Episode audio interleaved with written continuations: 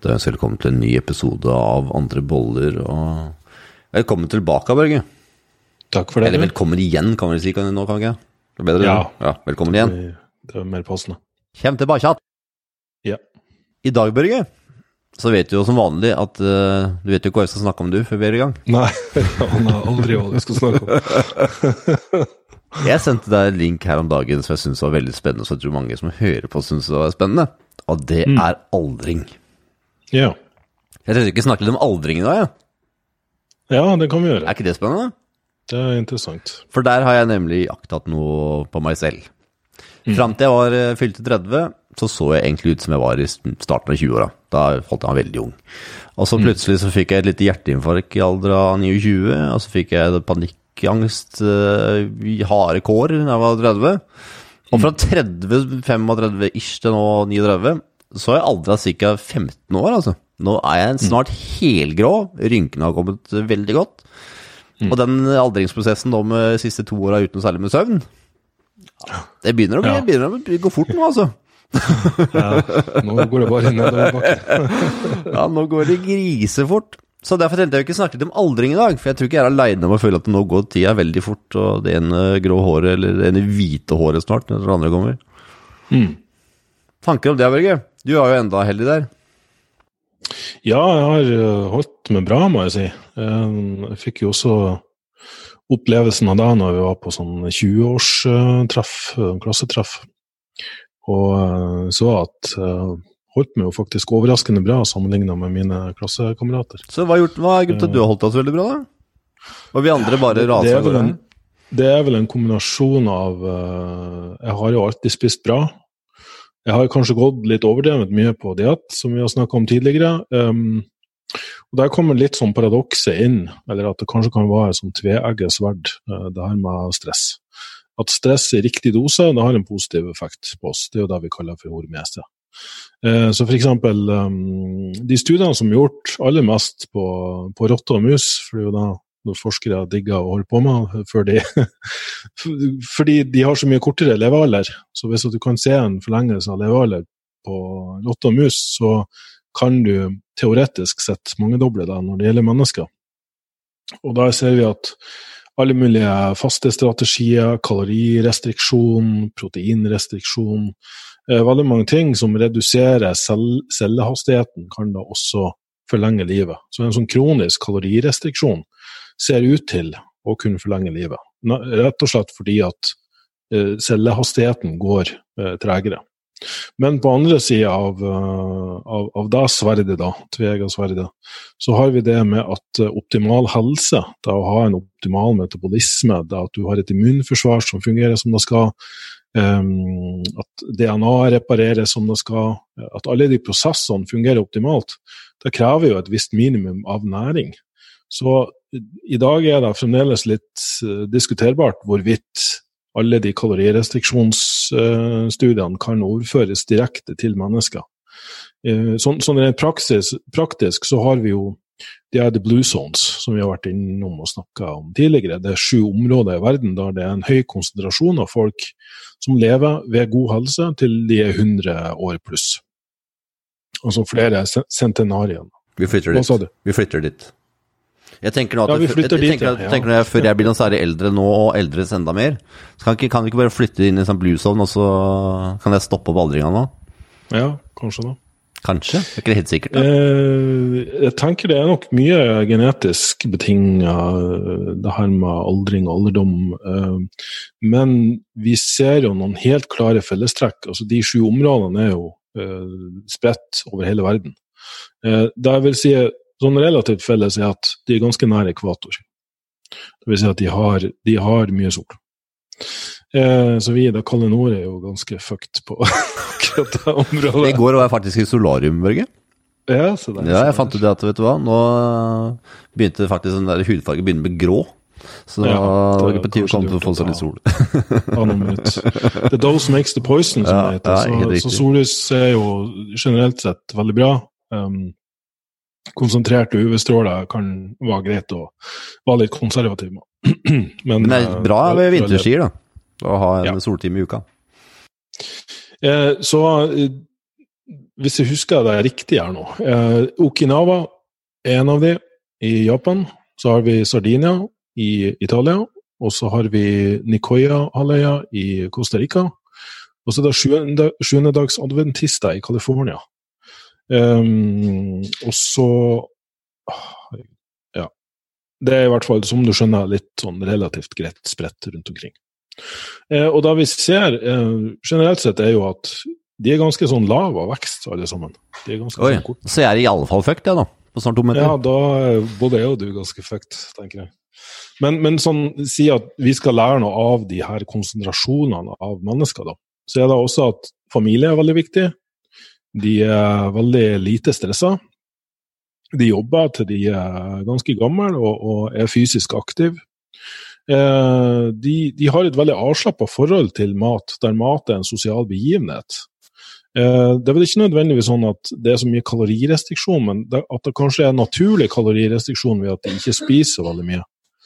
Eh, generelt sett. Altså, det er ikke noe fråtsing, det er ikke noe buffé, det, det, er ikke noe sånn uh, trerettersmenyer, liksom. Det, det, er generelt snakk om at de lager sin egen mat, kortreist, fra egen hage, dyrker maten sjøl. Lite sprøytemidler òg, eller? Hva sa du? Lite sprøytemidler og sånn? Eh. Det vil jeg nok tro, ja. Det er nok relativt økologisk av natur.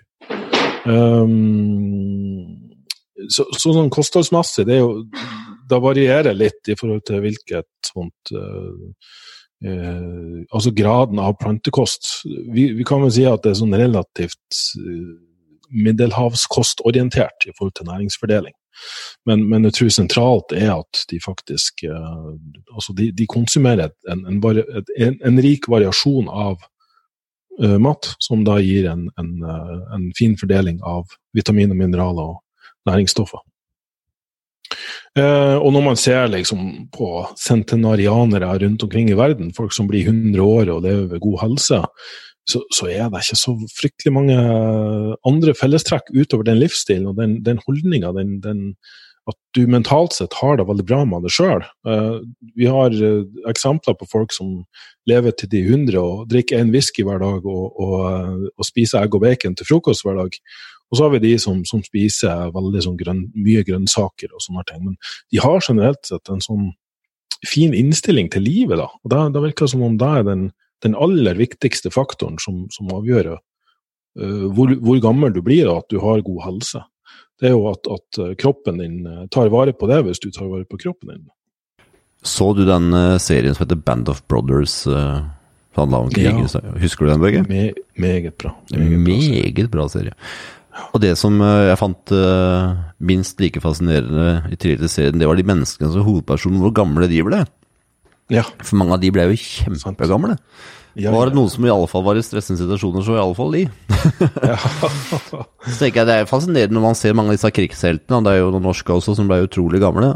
og De har jo virkelig kjent på stress og det der med å ikke få nok mat og hatt virkelig harde kår. Mm, ja. Men felles for de alle var jo at de hadde jo et håp. De hadde en sånn sterk eh, vilje om å Det her skulle de overleve, det her skulle de komme seg gjennom det, det, var ikke noe sånn uh, uff, nei, så, så, trist og tragisk ting, og det her er bare å gi opp, og det er ikke noe vits og sånn.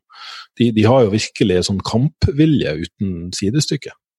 Så jeg tenker den også er, er ganske viktig å, å, å, å opprettholde. da, Å ha det der håpet, ha den der den positive mentale innstillinga om at alt er mulig. Det finnes ingen problemer, kun, kun, kun hindre, hindre liksom som, som eh, du kan finne løsninger på. På forskning.no den 12.12.2017, eh, som er en ganske gammel artikkel, da, så kunne man lese at man fant mekanismer i hjernen som kunne forsinke aldring, Børge. Mm. Hva er det for noe greier, da? Ja, jeg husker det så vidt. Og det er klart at vi har sett på mange forskjellige mekanismer og signalveier som vi potensielt kan begynne å manipulere. Og jeg er litt sånn eh, ambivalent til det her og skal begynne å manipulere de ulike signalveiene, fordi vi egentlig ikke kjenner eh, Når vi ikke kjenner alle signalveiene. Det er på sånn måte som vi begynte å tenke at ok, nå kan vi begynne med genmanipulering. Så kan vi oppnå supermennesker. Kan få superhørsel, supersyn, alt mulig sånt. Uten å innse at med en gang du begynner å tulle med, med enkelte gener, så påvirker det andre gener som vi ikke hadde begreper om, kom til å bli påvirka. Det samme skjer når du designer medisin som skal fikse et eller annet symptom, så har det en bivirkning. Og Da må du ta medisiner for de bivirkningene. Sant? Så har du en sånn, sånn ond sirkel. Sånn at jeg, jeg, jeg syns det er veldig spennende. Eh, men jeg tenker vi er nok kanskje ennå litt i barnestadiet der, og potensielt er det sånn at med en gang vi begynner å, å manipulere et gen, f.eks. friskt i minne er det her myostatingenet, der vi så at ved å, å, deaktivere myostatin, som er en sånn regulator av muskelvekst, så fikk du sånn um, ekstremt muskuløse kyr, blant annet. Ja, stemmer. Bel de der skikkelig bola fine dyra. ja, ikke sant. Ja. ja. og de er jo ikke bola, det var bare at det her er en myostatindefekt. Så tenkte jeg ok, hva om vi kan begynne å slå ut det myostatingenet, og, og gjorde ulike forsøk på, på, mus og sånt da først, selvfølgelig. Fordi det, det, var jo um, det var en sånn superbaby som ble født, som hadde en defekt i det myostatingenet. Og som ett- eller toåring så var han vel eh, like stor og sterk og muskuløs som en uh, seks-sjuåring. Altså han, han, var sånn voldsomt muskuløs da. Men så ser vi at ok, med en gang du begynte å manipulere deg genet for å få en høy muskelstyrke, så gikk det utover uh, både beintatthet og, og ulike helseparametere. Så de fikk en veldig kort levealder når de begynte å manipulere deg gener. Og da tenker jeg også kan være en, en greie å ha i bakhodet her, og det er nok sikkert grunnen til at vi kan finne spennende forskning der vi ser på å manipulere ulike signalveier, i dette tilfellet kan forlenge livet. Om det går på telomerelengde eller hva det gjorde, det husker jeg ikke helt. Eh, men at vi sikkert har teknologi som gjør oss i stand til å forlenge livet veldig lenge. Men du må huske på at um, en stor del av årsaken til at vi ikke lever så veldig lenge nå, det er jo at vi dør av ulike sykdommer. Vi har jo hjerte-karsykdom, og vi har kreft uh, som de store uh, monstrene. da. Um, så, så selv om cellene våre er i stand til å leve lenge, så, så, virker det som om det er en del sånn destruktive program som slår inn her når vi er kommet opp i en, en viss alder. Så, sånn at jeg er litt usikker på om at det er mulig å om, om, det kanskje blir en utopi å tenke at vi skal bli 150 år gamle. Fordi det, kan, det er så mange miljømessige faktorer som, som, vil begrense hvor gammel vi blir, og ikke minst vår egen eh, mentalitet rundt det hele. Jeg kan bare lese litt av det som står helt på slutten her, Børge. For det vil jeg spørre deg om. Ja. Uh, og for de som ønsker å lese artikkelen, så kan man inn på forskning.no, og så var det så heter artikkelen så mye som 'Fant mekanisme i hjernen som kan forsinke aldring'. Og det er det siste jeg vil lese, for det er noe jeg vil spørre om på slutten der. Og Eh, videre så forskerne at pasienter med et eh, A-T har lavt nivå av viktig signalstoff kalt eh, NAD+. Stoffet finnes i alle levende celler og spiller en viktig rolle for å opprettholde helsen til mitokondrier. Forskerne klarte å gjenopprette nivåene av NAD+, ved hjelp av et stoff som ligner på vitamin B3. Dette mm. så ut til å bremse skaden på mitokondriene. I samme studie fant forskerne et annet oppsiktsvekkende resultat. Da de ga mus og rundorm som manglet det, det, det, vitamin B3-lignende stoffet, så de gjenopprettelsen av NAD pluss-nivåene førte til bedre helse og lengre levetid for forsøksdyrene. Skal vi mm. begynne å kjøre på med B3 nå, eller, Børge? Eh, det er veldig interessant det der. Jeg har jo tatt eh, ekstra tilskudd av eh, B-vitaminer i den perioden her når jeg liksom slutta på hormonterapi og gjenoppretta min egen produksjon. Sånn, sånn at B-vitaminer er nok veldig kan være veldig lurt å ta ekstra tilskudd av. Så lenge du også sørger for at du har en høy metabolisme på andre ting. Altså at du spiser nok mat, at du har vitamin A, D, K, E osv. Har du tatt av B-kompleks, eller spesifikke B... Du, jeg, jeg bruker næringsgjær. Jeg prøver å gjøre det så naturlig som mulig. Næringsgjær? Ja. Det, også, også ølgjær er vel den mest kjente. Ja, vørter eller noe sånt? Uh, nei, jeg, jeg kjøper et kosttilskudd som heter Nutritional Yeast, som da er uh, tilsatt litt sånn utvalgte B-vitaminer. Sånn at man ja. får en ganske høy dose av det. Din luring, det, har jeg hørt om. Ja, det er ikke noe jeg tenker å bruke hele livet, men at det tar det en periode for å, for å bygge opp kroppen, rett og slett fordi den har vært litt uh, redusert.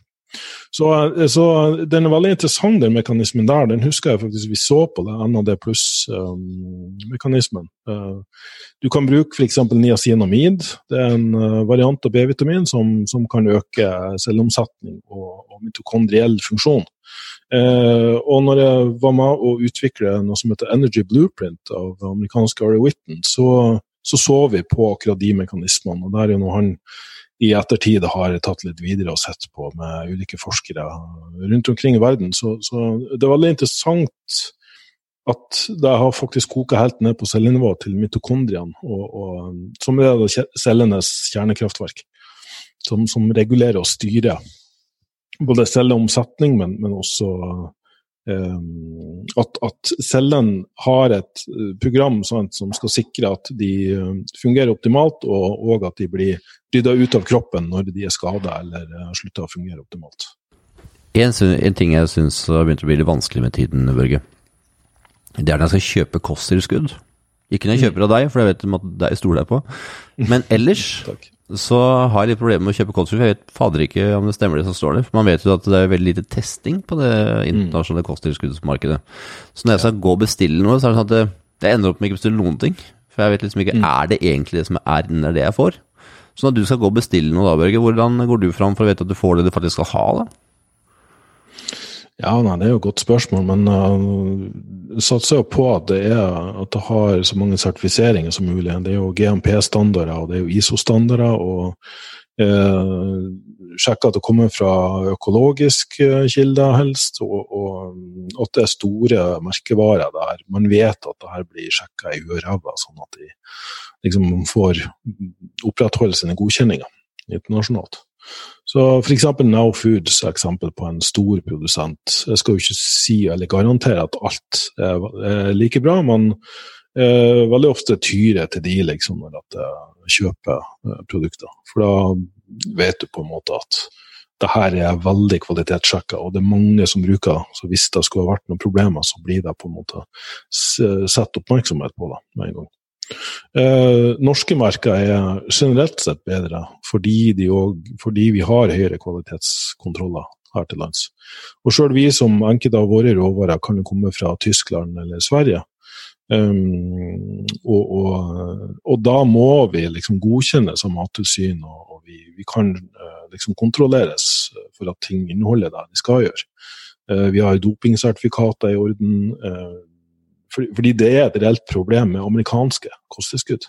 Det er forurensning av dopingmidler, og at de ikke inneholder det som står på, på etiketten. Ja, og det er det jeg hørte om, og derfor jeg blitt litt sånn mm, uh, ja. ja, nettopp. Så det problemet er ikke så, her, eller? Nei, så garanti har man jo aldri, og det er derfor at jeg, jeg alltid tenker på kosttilskudd som nettopp tilskudd. Jeg, skal for å ha et solid kosthold i bunnen først og fremst.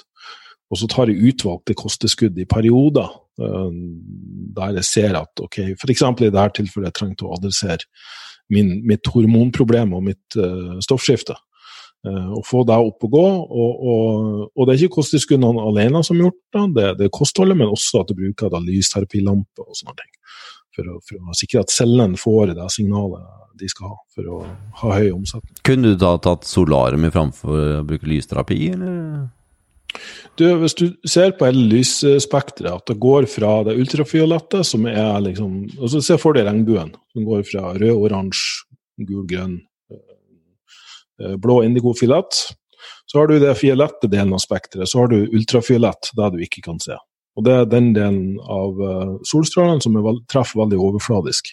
Det er de som gir brunfarge, annet. Men det er også de som kan være litt skumle hvis man overdriver. Det er ikke UVA og UVB, da? som er forskjellen på det? Jo, UVA og UVB da kan splittes ned i forskjellige frekvenser der. Um, og uh, det her er jo også viktig for vitamin D-produksjon, der, der, vi også kan være litt forsiktige med å ta for mye vitamin D i tilskuddsform.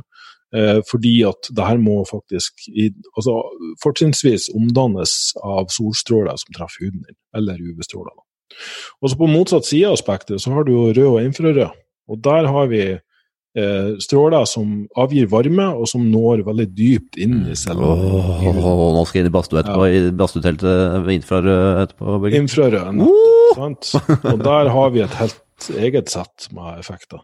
Sollyset har jo alt, fra UV til infrarødt. Det er derfor sola er varm. Det er jo liksom, pga. infrarød stråling.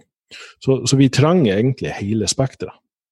Eh, men da å ta spesifikke deler altså, det, det, er jo her at jeg f.eks.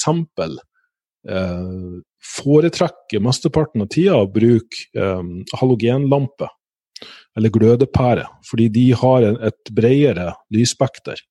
Eh, du kan få rødt og infrarødt, derfor de avgir såpass mye varme som de gjør. Men du får også en del av det synlige lyset. Bruker du varmhvit, så får du ikke så mye av det blå delen av spekteret. Så da kan du bruke sent på kveldene. Vi skal jo bruke, altså unngå det blå lyset sent på kveldene, fordi det kan liksom påvirke eh, døgnrytmen. Det kicker vel i gang uh, den uh, som heter så mye som du Melatonin. Yes. Ja, påvirker melatonin. Ja. og serotonin, for den saks skyld. Så um, Da er det kjekt, men kan jeg unnskylde at jeg avbryter, Børge? Jeg hadde litt problemer med at jeg til stadig våknet opp hver andre time. Ikke av mine små barn, men av meg selv. Mm. Ja. Og så kjøpte jeg briller som, eh, har, som er sånn oransje, vet du. Ja, stemmer. Mm. Og det løste mitt problem, i alle fall. Det, det, gjør faktisk det. Nå har vi jo Nightshift og ulike apper som kan uh, gjøre det på uh, Mac og PC og, og telefon. Uh, TV er litt vanskeligere, og da må man kanskje ty til sånne briller. Briller var helt gull, det. Ja. ja. det er faktisk helt vanvittig. Jeg har hatt folk som har testa også sånn søvnapp søvnmåler. Uh, der de ser sånn enorm forskjell på graden av dyp søvn da, før og etter bruk av sånne briller. Ja, det kan på det varmeste anbefale da gå med oransje briller de to siste timene hvis man ser på TV eller PC eller telefon. Ja, eller faktisk bare redusere deg litt og kutte ut. Eller, og så sitte med litt levende lys og, og ha litt uh, I går var jeg på topptur og fyra bål, uh, Børge, før jeg la meg. Det var deilig. Ja, ikke sant. Uh. Ja, tilbake til det vi snakka om. ja, vi sporer litt. Men alt det her er jo viktig. Vi må ha liksom det lyset. Vi må ha hele spekteret av lys. Og det er klart, vi som bor her langt nord og ikke har så mye tilgang på det på vinteren, i hvert fall veldig korte dager, da, da kan det nok være en, fordel å supplere med det med, pærer. Så absolutt. Og jeg kjenner veldig godt uh, når det begynner bli veldig mye mørke. På slutten av det veldig mye mørke, da kjenner jeg godt hvis jeg ikke er flink til å føre på med litt solarium og få litt ekstra med lys. Mm. Så jeg konkluderer etter den samtalen her, Børge, at uh, jeg tror, vi, jeg tror, vi, flytter ned til Costa Rica. Ser ikke det fint ut, da? ja, det hadde kanskje vært det optimale. I hvert fall at man unna seg en liten tur sørover i løpet av vinteren for å, for å fylle på litt. Da, da, tror jeg det hadde vært lurt. Det var deilig, det. Men men jeg tenker sånn, og sånn oppsummeringsvis um, Hvor mye av det er som styres av genene, det, det, er veldig vanskelig å si på individbasis. Jeg har jo f.eks.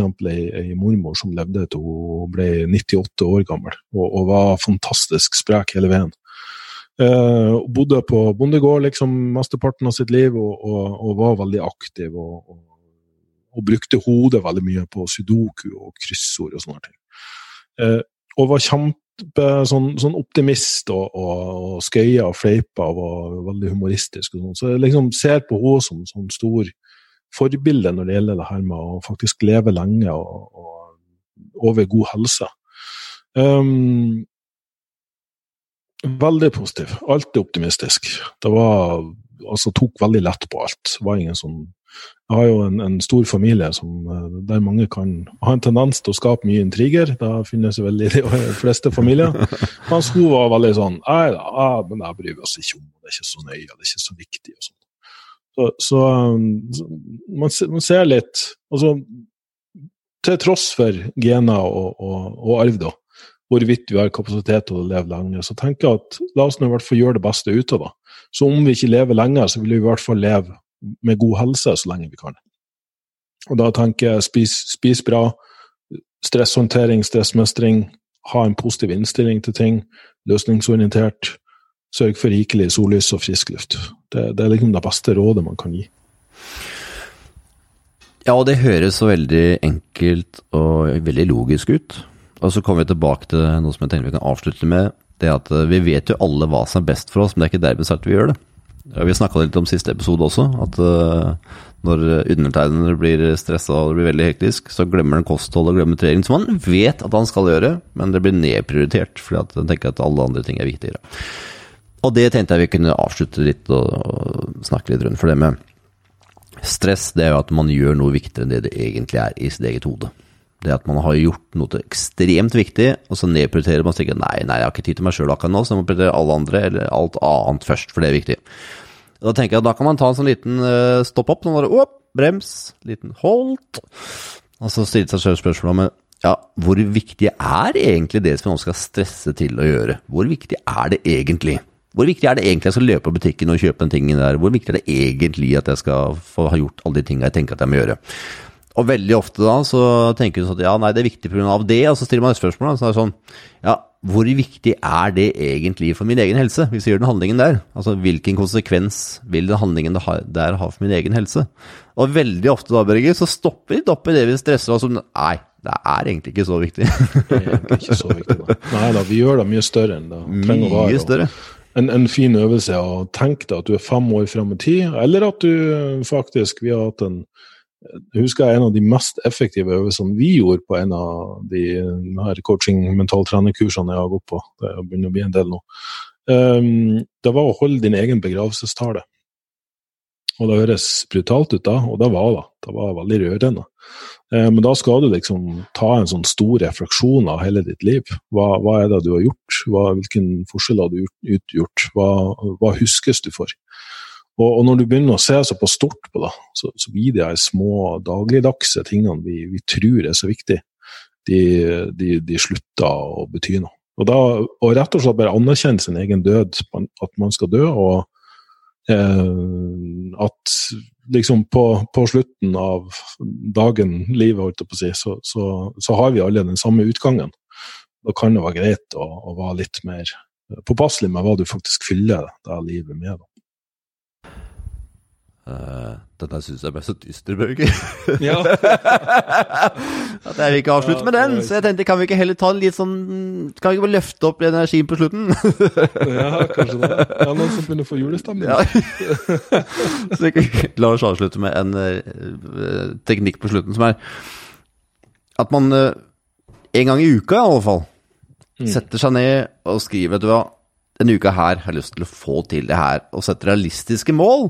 Og noe som mm. gjør at du får takknemlighet, og noe at du får mestring fra, og noe som gjør at du kommer litt videre i livet. Ja. At du, du, tar den, tenker jeg at det, det er bare åh, tror du har fått til noen av de tingene på lista. Og veldig viktig, ja. da. Gjør noe som faktisk klarer å gjennomføre, for det er essensielt. Ja, jeg er nok sikkert bare litt sånn at For jeg, er helt inne på den tenk positivt-bølgen, men jeg, jeg, tror også at mange tenk, trenger å reflektere over det, det motsatte ved, ved, å reflektere over det motsatte, altså det du kan miste, det du kan tape, og liksom sin egen dødelighet, så, så får du en, en du, du, får et toppunkt og du får et bunnpunkt. Jeg, du får de referansepunktene der, de ytterpunktene som Hvis man bare skal gå rundt og tenke positivt, så er det akkurat som fallhøyden blir så stor. Men hvis du kan tenke over ok, hva er det verste som kan skje, f.eks., den, den er det mange som får mye utbytte av. Og, og, da er det faktisk ikke så ille likevel. Og da, da får du litt den der du, altså Det er litt sånn yin og yang, da. Du får det motsetningsforholdet. Du har det positive, og da har du negative. og du, du liksom, I hvert fall ved å reflektere over hva du kan miste, så kan du også sette større pris på hva du faktisk har. Absolutt, og jeg er 100 enig med deg, Børge. Grunnen til at jeg ville avslutte med positivt, bare for å få opp stemninga på, på, lytteren. Ja, få opp stemninga. det verste. og da er jeg 100 enig med deg, og jeg liker veldig godt selv også å bruke den for å få perspektiv. Ja. Og så er det at jeg liker alltid å avslutte på en top note. Så ja. det, det, var bare derfor. Men jeg er 100 ja, enig med deg. Den, uh, vi trenger å få perspektiver på ting, og veldig ofte så pleier jeg å starte ut med å ta, den, ta den, det dystre først, og så avslutte med den, den positive, den, den positive ja. så man tar den der. Og det er jo det her jeg liker med våre samtaler, Børge, for nå begynner vi å kjenne hverandre godt etter hvert, og det går litt i alle retninger, og jeg tenker at ja. det er grunnen til at vi har mange lyttere. Og jeg tenker at ja, de som er eh, lyttere av oss, de liker at ting går i alle retninger. De må nødt til å gjøre det, ellers hadde de slutta å høre for lengst. Alle retninger, at vi kanskje er litt sånn uh Altså, vi prøver ikke å fremstille ting som noe det ikke er. Vi, vi er veldig realistiske. Vi, I hvert fall mener jeg da at vi, vi, er i stand til å bevege oss mellom ytterpunktene. Ja, altså det, er, det er, vi jo vi er ærlige, da. Vi er ærlige på at vi blir eldre, og du holder deg godt. Mm. og ja.